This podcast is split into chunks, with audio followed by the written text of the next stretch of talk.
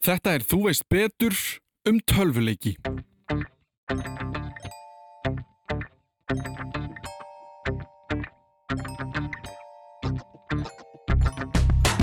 Þannig að það er, er sko gríðalegu fjöldi í tölvuleikum sem bara búa til í raun og veru hvernig einastu hlut sem hún sér. Allir parametrar eru prófaðar til þess að ganga úr skuggum það að þetta sé skemmtilegt og þetta virki fyrir öll mögulega tilbúið þá einhvern veginn ímyndum að sér að maður sé bara í, í sko, einhverju fullkomnum síndraveruleika þar sem að maður upplifir í raun og veru ekkert róf á milli þess að þú skinjar frá glerugunum og það sem að er að gerast raunverulega.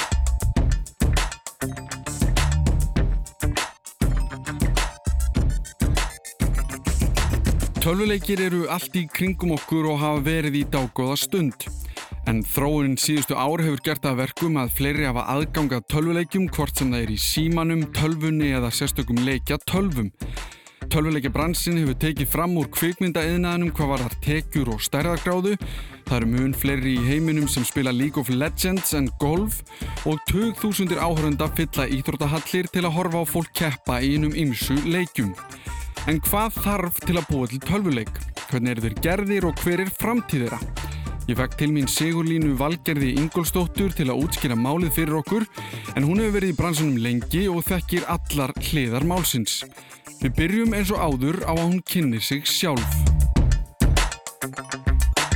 Ég heiti Sigurlína Valgerður Ingvarstóttir, alltaf köllu Lína og ég hef unnið sem tölvuleikja framlegandi undan farin 15 ár. Nú er ég að vinna hjá nýju bandrisku fyrirtæki sem heitir Bonfire Studios sem er í söður Kaliforníu en þar áður var ég að vinna hjá Electronic Arts í mörg ár meðal annars á FIFA sem margir íslendar kannast við og aðleiknum Star Wars Battlefront og áður en ég gerði það var ég að vinna hjá CCP í mörg ár við EVE Online og aðra leiki.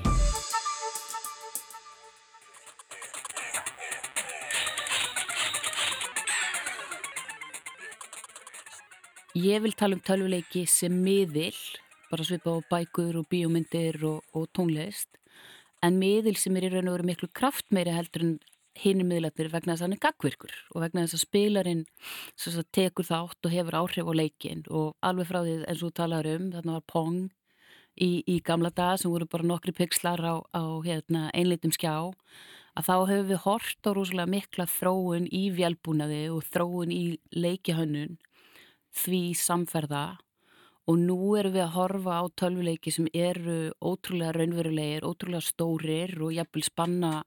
ótrúlega mörg ár. Við getum hort á EVE Online sem er ótrúlega sérstakur fjölspilnuleikur og hefur, er raunverur heimur sem hefur þróast frá 2003. Mm. Við getum hort á leiki eins og Minecraft sem að margir krakkar þekkja og, og margir fórildrar vantilega líka sem er svona lítur svolítið út bara eins og legokubar á, á tölviskjá svo getum við að horta á sko ótrúlega raunverulega leiki eins og kannski Redemption eða, eða Grand Theft Auto eða, eða svona þessar nýjustu leiki sem eru þar sem að, að upplöfunin er ótrúlega bara svona svolítið eins og maður sé að spila bíómynd með alvöru fólki og, og, hérna, og þessi, þessi þróun hefur verið rosalega hröð bara samfara annari tækni þróun og nú er svo komið að tölvuleikibransin er, er langstæsti aftreyingarbransin og veldir í ár 175 miljardum dollara sem er 20% aukning frá því á síðast ári. Þannig að til dæmis hefur orðið rosalega mikil aukning á spilum tölvuleikja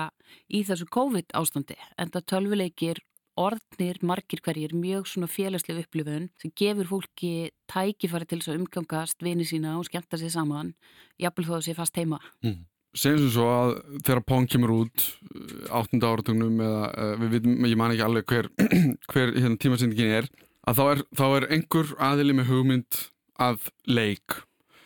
og í gegnum tíðina hefur fullt af fólki verið með hugmyndir að leikum en hefur verið sko heft af tækninni. Mér langar til að gera þetta og mér langar til að gera hitt en það bara er ekki hægt. Er, er tæknilegin sko aðal hindrunin? Í því að framkvæma þá hugmynd sem þú vilt og hefur hún verið það í gegnum tíðina? Það hefur náttúrulega verið í gegnum tíðina þessi þróun sérstaklega á útliti tölvuleikja frá því að þetta eru raun og veru bara mjög einfaldir, tvívíðir leikir, mjög pixeleraðir og, og, og mjög einfaldir og tölvuleikja tæknin hefur rosalega mikið snúist um það að gera flottari grafík og, og hérna og leifa sagt, eh, já, koma í raun og veru meira á skjáin og það er í raun og veru kannski svona tæknin sem að hefur í gegnum tíðina kannski hamlað tölvuleikjum einhverju leiti að, að geta ekki gert þá svona fotorealistik mm. eins og eru orðnir í dag. En ég held að, að sko auðvitað hefur orðir svona mikil tæknithróun og menn hafa geta gert flóknur og flóknur leiki. En ég held samt sem áður að, að fólk hafi geta verið mjög skapandi innan þess ramma og ég held að það sé ekkit endilega tæknin sem að, að hérna, hamli mönnum frá því að gera það sem þeir vilja eða búið til leikina sem þeir vilja sérstaklega ekki í dag þegar við erum alltaf komin með núna með virtual reality tækni og svona síndarveruleika og augmented reality og, og erfitt að finna kannski góð íslensk orð fyrir þetta allt saman. En nú er náttúrulega erum við komin svo ótrúlega langt í tækninni bæði hvað var það grafík og hvað var það alls konar svona simulation eða, eða hermun og hérna, erum farin að geta gert rúslega raunverulega hluti það sem að, maður verður að taka fram er að, að það er kannski ekki aðalega sagt, útlitið, útlit tölvuleikin sem skiptir máli upp og upplifun notanda því við sjáum til dæmis í dag að leikir eins og Minecraft og leikir eins og Roblox sem eru kannski ekki sérstaklega svona vel útlítandi hafa náð gríðalegri hilli einmitt vegna þess að þeir sko leifa notandanum að vera svo skapandi í leiknum. Þannig að það sem að fólk er að sækjast eftir í tölvuleikum er kannski ekki endilega einhver svona raunveruleg eftirmynd af veruleikanum heldur er meira að leita af tækifæri til þess að geta verið, verið skapandi og til þess að geta gert hluti sem þú getur ekki í raunveruleikan. Já, töluleikispilun fer sko síðan eiginlega í nokkrar áttir hafa þú alltaf komið leikjatölur og síðan þú komið pjessitölur og síðan þú komið sko Gameboy þannig að það fer að vera svona kemar út um allt það sem að tölvuleikur er ekki bara tölvuleikur hann þarf að vera tölvuleikur fyrir eitthvað ákveðið. Virkar hann á einhver ákveðinu er þetta Playstation tölvuleikur, er þetta Xbox tölvuleikur? Er þetta Nintendo tölvuleikur? Auglust að gerist það bara á markaði bara og fólk er að finna upp nýja hluti. En er þetta líka eitthvað flækjustig sem að, já er þetta gott eða, eða vond, er þetta ítir þetta svona, er þetta einhvern veginn væri við bara til í að það væri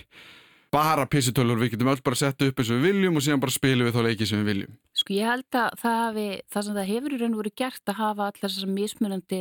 sagt, plattforma, hvort sem við erum að tala um PC eða leiketölfur eða leikið sem eru spilaðar og símum eða,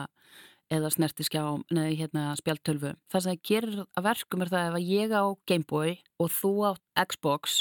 þá eru við ekki að fara að spila sama leikin og það sem við sjáum kannski þróunina í dag og horfum til dæmis á það sem að Fortnite gerði og margir kannast náttúrulega vel við Fortnite sem er rosalega stóran leik er það að hann var fyrsti leikurinn eða einna fyrsti leikurinn sem markvist keirði saman spilara á mismundi plattform og það er svolítið það sem við erum að sjá í dag að þessi svona Þessa, þessir afmörkuðu kímar eftir því hvort þú ert að spila á þessar leikitölunni eða hinni leikitölunni eða PC eða, eða síma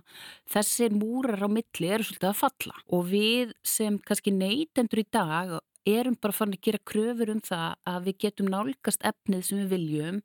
alveg burt sér frá því hvaða tæki við erum að nota. Nákvæmlega svo ég horfi á Netflix í sjónvarpinu mínu og svo stundum horfi ég á það í símanum mínum og svo er ég fann upp í sumbústað og þá er ég kannski með fartöluna með mér og horfa á þar og mér myndi alltaf þykja alveg fárlegt ef ég kæmist ekki efni mitt af því að ég var eitthvað háð því hvaða tæki ég væri reyni að nota. Mm -hmm. Og þessi hugsun er svolítið komin inn í, í hérna, tölvuleikinu líka sem ég held að sé bara gott vegna sem ég held að það aldrei verið nótandurinn fyrir bestu að, að það væri verið að afmarka hvar hann væri að spila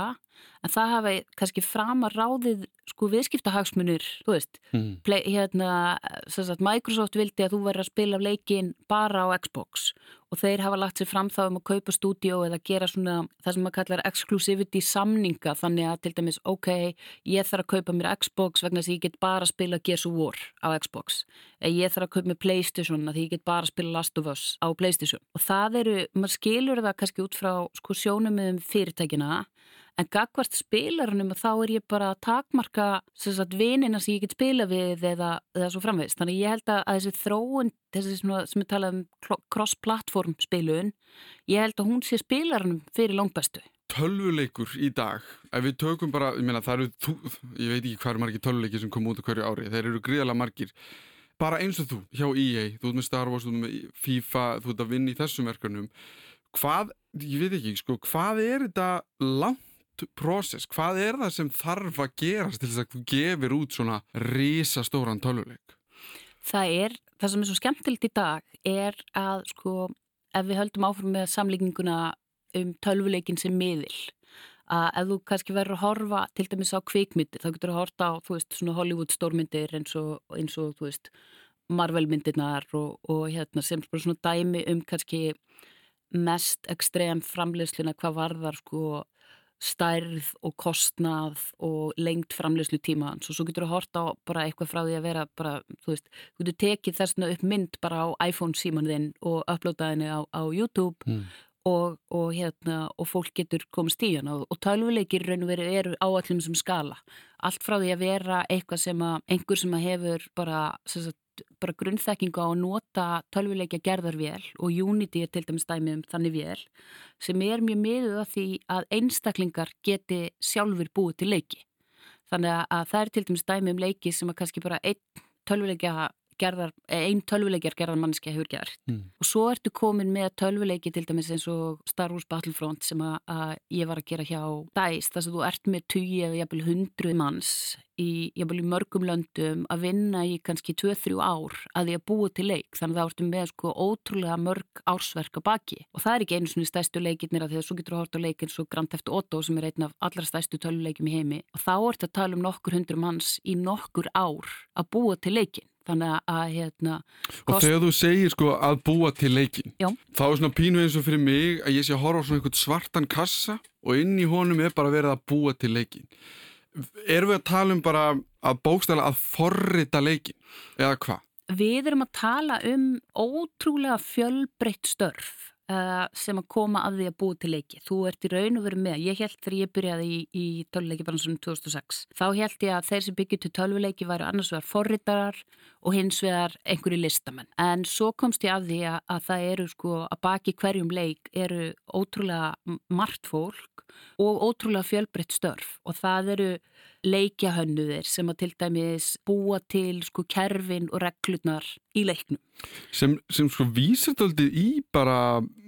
ég var að segja bara Dungeons and Dragons eða, eða bara borðspill Já, til dæmis. Því þar eru reglur og þar eru hérna, leikjaspiluninn og hvernig þetta virkar allt saman. Já, og það er og verið ekkert mjög ólíkt endilega að fyrir auðvitað eftir tegund leiksins mm. að vera sko leikjahönnur fyrir borðspill og vera leikjahönnur fyrir tölvuleik. Þú ert með leikjahönnuði og þeir eru af, af sko af ýmsum gerðum, sumir eru kannski fókusera meira á sko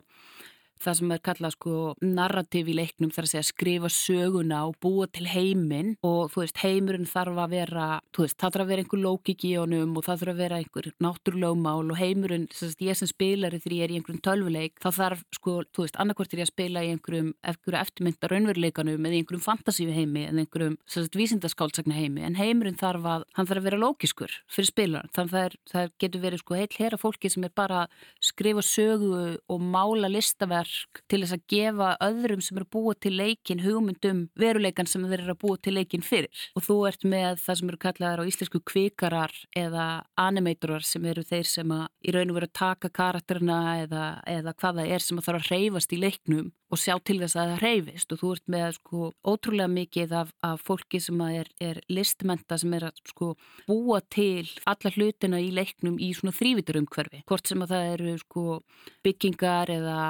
farartæki eða personur eða dýr, það þarf að búa til hvern einasta, einasta hlut. Og þegar þú segir búa til, er það þá einhver að teikna eitthvað inn í einhver svona þrývitaforrætti? Já, í raun og veru. Og það er oft þannig að það eru sko, það talaðum um, um konceptartista og það eru bara oft listmálarar sem er að teikna og mála umhverfið og svo kemur þrývitarlistamanniska og hún í raun og veru býr þetta til inn í einhverju þrývitar umhverfi, einhverju sérstöku þrývitarforrætti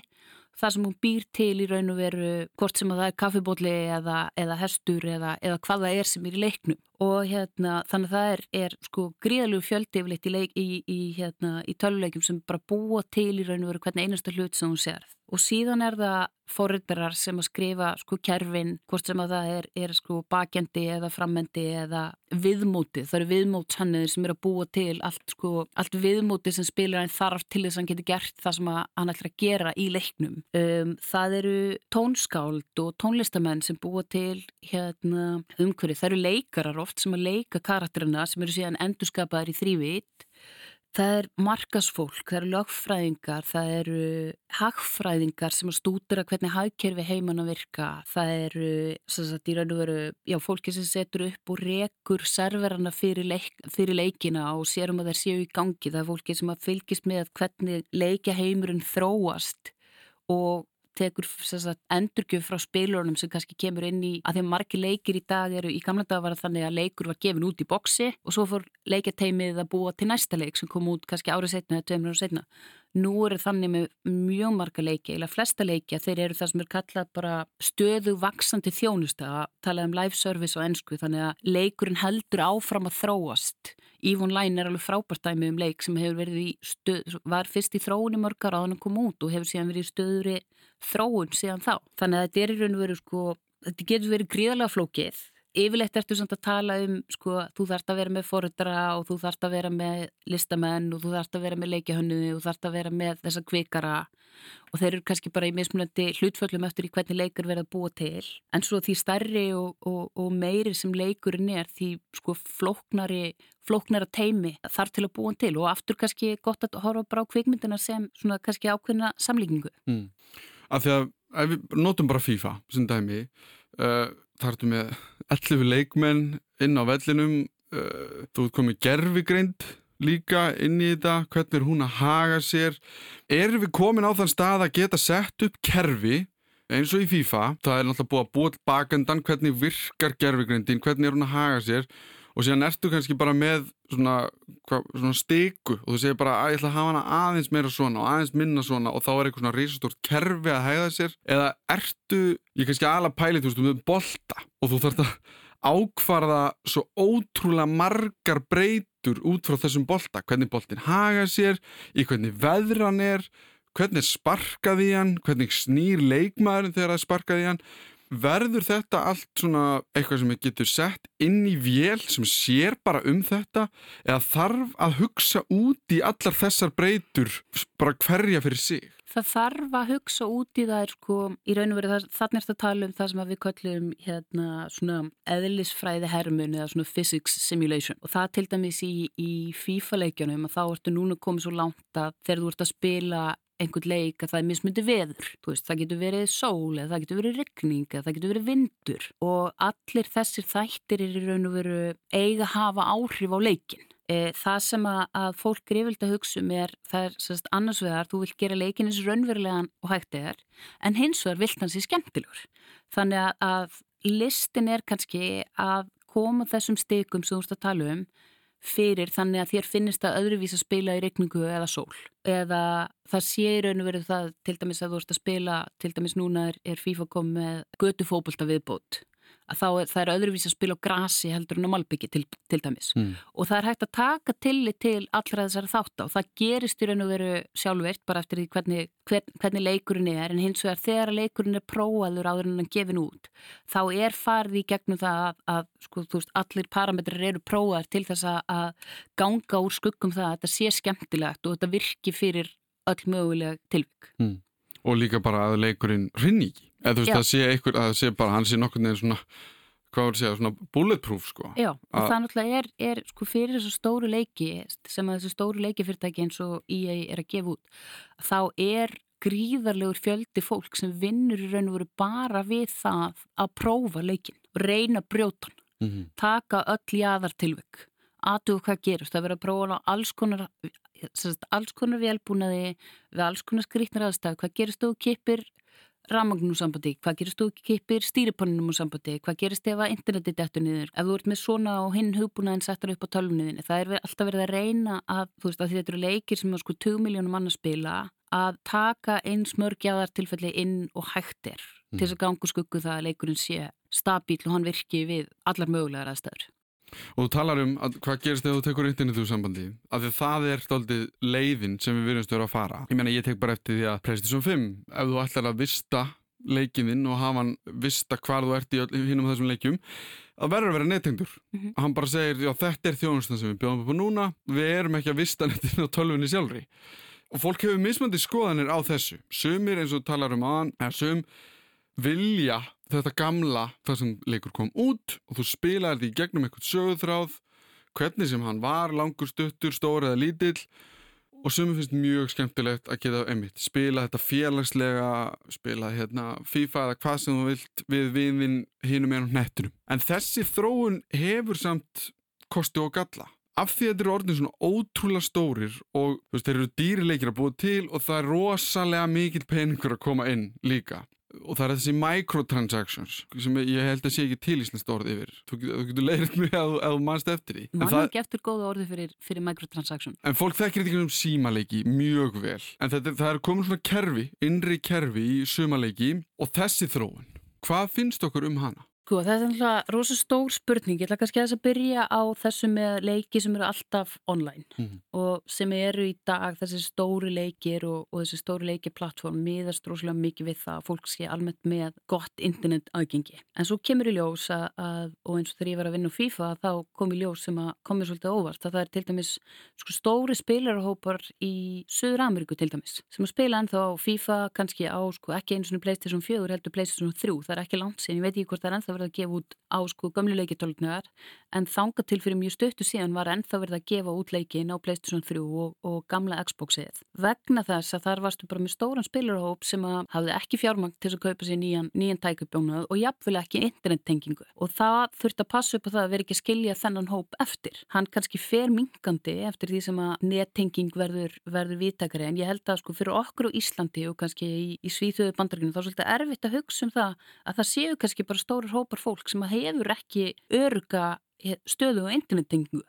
Þannig að maður þarf svolítið að passa sig á því að vera kannski ekki að keira alla þróun þannig að hún skilji þá eftir sem ekki eru hafa frábært tengingu. Varðandi þessar smágreðsluður eða, eða microtransactions og svona hvernig leikir er að þróast í dag. Þá náttúrulega var business modelið fyrir tölvuleiki þannig að þú fóst og keiftir leik og hann kostaði 50-60 dollara og þú keiftir hann í tölvuleiki búð og borgaður fyrir hann og, og fjagst boks og svo fórstu heim og þú spilaði þannan leik í boksinu. Svo fór það að gerast að nettengingar urðu, urðu algengari og tölvuleiki framleiðendur áttu þessu á því að, að kannski leikunum kom út og þó það væri búið að prófa hann rosalega vel þá er, veist, þá er ekki hægt að, að sko líka því saman annars vegar þegar þú veist kannski með 200 manns vinna við það að prófa tölvuleik versus það að leikunum kemur út og nú eru 10 miljón manns að spila hann eins og í tilfelli stæstuleikina. Þá kemur í ljós að það er kannski alls konar hérna, einhverju villur eða gallar á leiknum og þá fórum henn að, að laga þessar villur eða galla og gefa út það sem við kallum vondur íslensku patch fyrir leikin. Áttu... Plástur? Já, svona plástur. Svo áttuðu menn sig á því bara að í sumum tegundum leikja og þá kannski sérstaklega í fjölspilinuleikjum að þá eftir að leikunum kom út eins og við getum talað um World of Warcraft sem, sem gott dæmi um, um þannig leik. Leikunum kemur út og það er fjöldi fólks að spila hann saman og, og, hérna, og þetta fólk fyrir gegnum alls konar hérna, söguþræði og, og drefur skrimsli og svo framvegis og framvegis sem er búið að, hérna, sem er í leiknum þrú kaupur hann.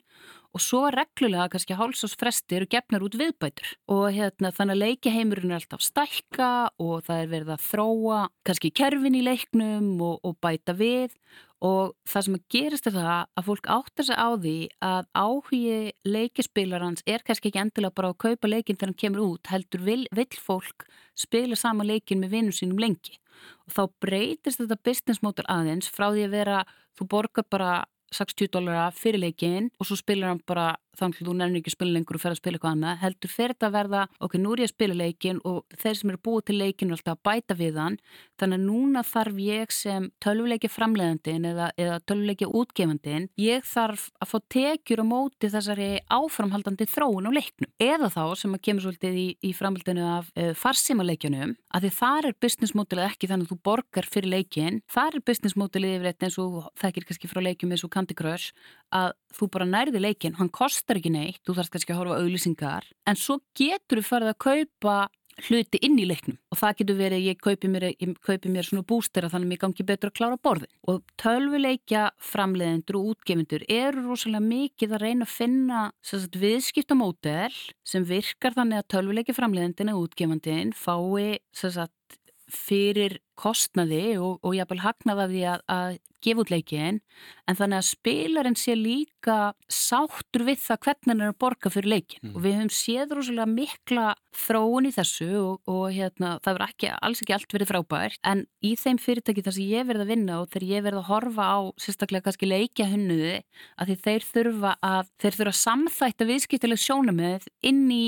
svona grunnkerfi leiksins að það er ekki bara hægt að búa til tölvuleik og síðan ertu alveg að fara að gefa hann út og þá hugsaður, já, já, ok, og hvernig ætlum ég svo að fá tekjur? Mhm. Að því að leikja hönnunin tekur mið af þessu viðskiptamóduli og þetta er, að því að þetta er fyrir einhver ungur bransi, að þá hefur þetta verið, sagt, tölvuleikja spilarar sem voru vanur í að kaupa sér leik út í búð í boksi, þeim finnst upp til hópa þessar smágreðslur algjörlega óþólandi. Á meðan að tölvuleikja spilarar sem byrjuði að spila tölvuleiki þegar þeir voru mar margir sko ókipiðis og kannski voru auglýsingar eða smágreðslur, þeir myndu kannski ekki fara út og kaupa sér leik fyrir 60 dólara í boksi. Þannig þú ert heldur ekki með einsleitan spilarhóp og það er ekkit endilega allir sammála um það hvernig á að skapa tekjur af tölvuleikjum. Að því að síðan í sumu tilugum ert að borga í hann fyrir box, í bóksinu og með smágreislur. Mm Já, sko, það sem aðal bitbennið sem ég hef heyrt er að þú ert með leikið svo Fortnite og þú getur eitt peningum í Fortnite ef þú vilt en peningarnir fara bara í útlitslega hluti. Bara einhver, ég vil fá þennan hatt og þessa skó og flott nál. En síðan ertu með aðra það sem þú ert, sko það er næstu sagt þú getur spilað leikin svona en það getur tekið daldi langan tíma en þú getur borgað okkur meiri pening og þá nærðu árangri fyrr er það ekki þetta debatt sem er þá helst svona bitbeinið sko Jú, og þetta er í raun og veru, það sem við talaðum þarna er oft sko uh, það sem við kallum cosmetics eða bara svona útlitsbreytingar eins og þú ert að tala um í Fortnite. mm. Þar sem að, að þú ert ekkit betri í leiknum þó þú sért með blátt hár og í, í, hérna, og í John Wick búningi, það hefur engin áhrif á, á, á það en það kannski sýnir það, sko, þetta, það, það, það er fyrirbæri sem er kallað peacocking eða það er að segja svona að, að, að hérna, hafa sér svo páfugl og það í raun og veru er ég vil geta sínt mína persónu eða minn persónuleika í gegnum tölvuleikin út frá því hvaða hluti ég á. Mm bara Og- breytt úr fjöðrunum Já, breytt úr fjöðurnum og það eru mjög margir sem að það sem þetta skiptir ekki neinumáli og þú veist, þeir spila bara leikin og borga ekki neitt og taka ekki þátt í þessu. Svo eru aðrir, það sem þetta skiptir miklu máli, þeir eru jafnvel til í að borga talsverður upphæður fyrir eitthvað sérstætt útlit sem er líka oft kannski það er bara hægt að kaupa þetta, þennan búning á þessum tíma eða þá þú þurftir að taka þátt í einhverju viðburði í leiknum þannig að, að útlit þitt er sko, það er sögulega merkingu í leiknum og það eru þeir sem að spila leikin og skilja leikin sem átt að segja á mununum á því ef þú ert í hvort þú ert í sko blábúningnum eða rauðabúningnum, það segir ákveðið um þig. Svo er þetta líka oft tengt við framgangi leiknum. Þannig að þú getur fengið eitthvað ákveð útlit en bara ef að þú hefur náð einhverjum ákveðnum árangri og þá er ég alltaf inn að sína ég borgaði ekki fyrir þennan búning, þetta er ekki bara eitthvað sem ég gæti fengið að því ég borgaði pening, heldur ég get bara verið í þessum búninga því ég er svo góð í leiknum. Þannig að þetta hefur sko, þetta er ótrúlega merkingar þrungið og rosalega áhugavert að spá þessu, en almennt séð eru tölvuleikja spilarar rosalega lítið hrifnir af því sem er kallað pay to win. mm. Það er að segja ég borga fyrir að verða betri og það er, er að því að leikir í dag eru, eru það talað um sagt, svona keppnispilun eða competitive gaming og, og eru það sem að menn eru að spila eða fólk er að spila leiki eins og FIFA eða eins og Fortnite eða League of Legends eða ótrúlega marga leiki og það sem skiptir þá máli er að gangur skuggum það að allir leik spilar að siti við sama borð. Það er að segja leikurinn sé sangjarn og ef við kannski yfirfærum þetta á íþróttir það væri svona ef ég væri að spila fókbólta og ég geti borgað fyrir að vera með tvo í viðbúti í liðinu. Það væri að sjálfsögðu ekki, það væri ekki sangjarn leikur. Nei, þá kannski förum ef við förum í þessar competitive keppnis tölvuleiki, þú nefndir nokkra hana og pælum aðeins í framtíðinni. PlayStation 5 er komin út, League of Legends, það eru fleiri sem spila League of Legends í heiminum heldur en sem spila golf, vinningsfíð fyrir Raf íþróttir. eh, er orðið ótrúlega mikið og eins og við sögum kannski byrjun, þetta eru stærn myndir, eða þú veist, kvikmyndir, þetta er orðið ótrúlega tekjuhár og stór bransi hvaða, þú veist, er þetta að fara að taka yfir heiminn, eða þú veist, þetta, að þetta er orðið aldrei svona stórt afl, sko. Já, ég held að svara við því sé já. Mm. En ef við hugsum um þetta þá er raun og veru að þú veltir fyrir bara þróun miðlunar. Uh, fólk fór í bíó til að horfa á svartkvíta mynd og það var hérna, einhver að spila á píano undir í árdaga kvikmyndana. Og svo, svo kemur sjónvarpið, það eru kvikmyndir, það eru sjónvarsþættir og svo framvegis. Svo færist sjónvarpið úr því að vera bara eitthvað sem þú horfur á í stofinni eða fer í bíó. Allt í náttúrulega komin með sko farin að geta hort á sjónvarpið á internetinu og í snjálfsýmum og svo framvegis og framvegis. Neysluhægðun mín á sjónvarpi og kvikmyndaefni er önnur heldur en fóreldra minna. Og neysluhægðun barnana minna á sjónvarsefni er allt önnur heldur en mín. Meiri segja nú ég er tvær dætur, önnur er 8 ára og hinn er 13 ára. Og þeirra fjölmiðla hegðun er líka ólík þó að það sé bara fimm ár þarna á millið þeirra. Og það sem að kannski er að gerast með tölvuleiki er að við erum að horfa fólk spila tölvuleiki og þessi raf íþróttir eru orðnarskólu ótrúlega vinsalur og þá er það jafnvel þannig að það er fullt af fólki sem er kannski ekki að spila svo mikið tölvuleiki sem hefur samtalið ótrúlega gaman að því að horfa á tölvuleiki og ég held að það sem við erum að sjá núna sé bara forsmekkurinn að því sem komast skal að mjög mikið af kannski áhuga á íþróttum, í gamla dag var fólk kannski að horfa á handbólta og fókbólta og golf og nú er bara stór hópur fólki sem er að horfa kannski á League of Legends heimsmestramótið eða heimsmestramótið í FIFA eh, eða heimsmestramótið í einhverju, einhverjum allt öðrum leik en hefur samtalið mikið áhuga á þessu, er raun og verið að fá útrás fyrir sama áhuga og það hafði kannski á íþróttum áður fyrir þegar það var það eina sem var í sjónvarpinu. Nú er bara svo miklu meira í bóði og það sem að náttúrulega þessi nýju miðlar bjóða líka upp á er þú getur verið að horfa á einhvern spila eða keppa í tölvuleik og þú getur átt samskipti með hann á meðan í gegnum comments á, á Twitch eða þú ert að horfa þetta á Twitch eða, eða á YouTube þannig að þessi svona gagnvirkni tölvuleikina gerða verkum að áhuga menn og þeir sem eru að fylgjast með að geta einhvern veginn verið miklu meiri þáttakendur heldur en kannski í að horfa á Manchester United eða, eða horfa svona á hefðundar íþróttir mm -hmm. En hvað var þar tæknina? Að því ég nefndi PlayStation 5 og fyrir mér er hún bara, hún er bara að sprengja alla veggi ég bara, ég, ég, ég sendi á vinn minn um daginn bara, ertu, ertu ekkert að segja við sjálf aðeins bara, bara ha? Þegar þú ert að spila sem að þessum leikjum að þeir eru orðin svo bilaðislega flottir og þetta eru orðin svo hratt og fjastringin þetta, þetta er eitthvað svona stök sem ég, kannski ég er orðin svo gaman að ég, ég bjóst ekki við bara að upplifa þetta. En ég er sendt bara 34 og þá fær maður að hugsa, já ef ég verð ef Guð lofar að ég verði 74 eða 84 hvað eru við að fara að sjá að þessum næstu 40-50 árum, þetta eru 7 ára millir 12 núna, PlayStation 4 og, og PlayStation 5 40-50 ára fram í tíman, erum við að fara að vera öll ég hugsa mjög oft út í þetta erum við að fara að vera öll bara eins og í Wall-E? Erum við að fara að vera bara í einhverjum stól þar sem við sitjum eða liggjum einhvern veginn bara öll með síndaverulega kleru og það eru allir bara, þú veist, af því það er svona domstags veist, fólk horfur á þetta líka með svona domstæðsaugum sko, erum við bara öll að fara að vera inn í okkur og enginn að tala saman að hittast sko. Já, það er rosa skemmtileg pæling og ég meina það er náttúrulega ótrúlegt að hugsa þú veist, þú veist að tala um pong á þann og þú hugsa um sko þróunina sem eru orðið síðustu 30 ár og kannski, þú veist, sérstaklega hvernig sko þróunin í grafík og, og kannski viðbræði og allir þú veist að tala um, hún verður líka alltaf bara sko meiri og meiri og meiri. Og ég held að það séu tveir hlutir sem að skipta máli þarna. Annars vegar er við getum eiginlega ekki ímynduð okkur hvernig þetta verður eftir 40 ár. Mm -hmm. en við getum kannski veltið fyrir okkur ef við horfum á það sem er í dag eins og við horfum á Pong núna veist, þá er, er sko, þá einhvern veginn ímyndum að sér að maður sé bara í, í sko, einhverju fullkomnum síndraveruleika það sem að maður upplifir í raun og veru ekkert róf á milli þess að þú skinjar frá glerugunum og það sem er að gerast í raunverulega, raunverulega og þú getur verið í, í sko, hvers konar svona fantastískum heimum sem að líti út fyrir að vera alveg raunverulegir meðvinniðinum og hérna, ég held að það sé ekkit óraunverulegt, ég held að við munum sjá þessa stóru, flóknu leikjaheima sem koma fram í skáldsögum eins og Snow Crash og, og hérna kannski margir af að séð í, í bíomundinni Ready Player One sem var hérna það sem var svona útópískur tölvuleikja heimur sem fólk fór inn í gegnum síndurveruleika en livði svo í einhverjum svona ömurlegum raunveruleika svona mjög dystopískum mm -hmm. og ég held að, að þó þetta sé kannski sko ókvæðinlega framtíða sína ákveðinu leiti að þá held ég samt að, að við kannski horfum á það sem er að gerast í heiminu hvað var það umhverfismál og annars líkt að við erum á, á skrítinu braut og það er kannski ekkit ólíklagt að í framtíðinu muni fólk sækja upplifanir í, í sko í síndarveruleika frekar heldur en í raunveruleika ef að, ef að það er mjög svona ef það eru skemmtilegir og spennandi heimar mm -hmm.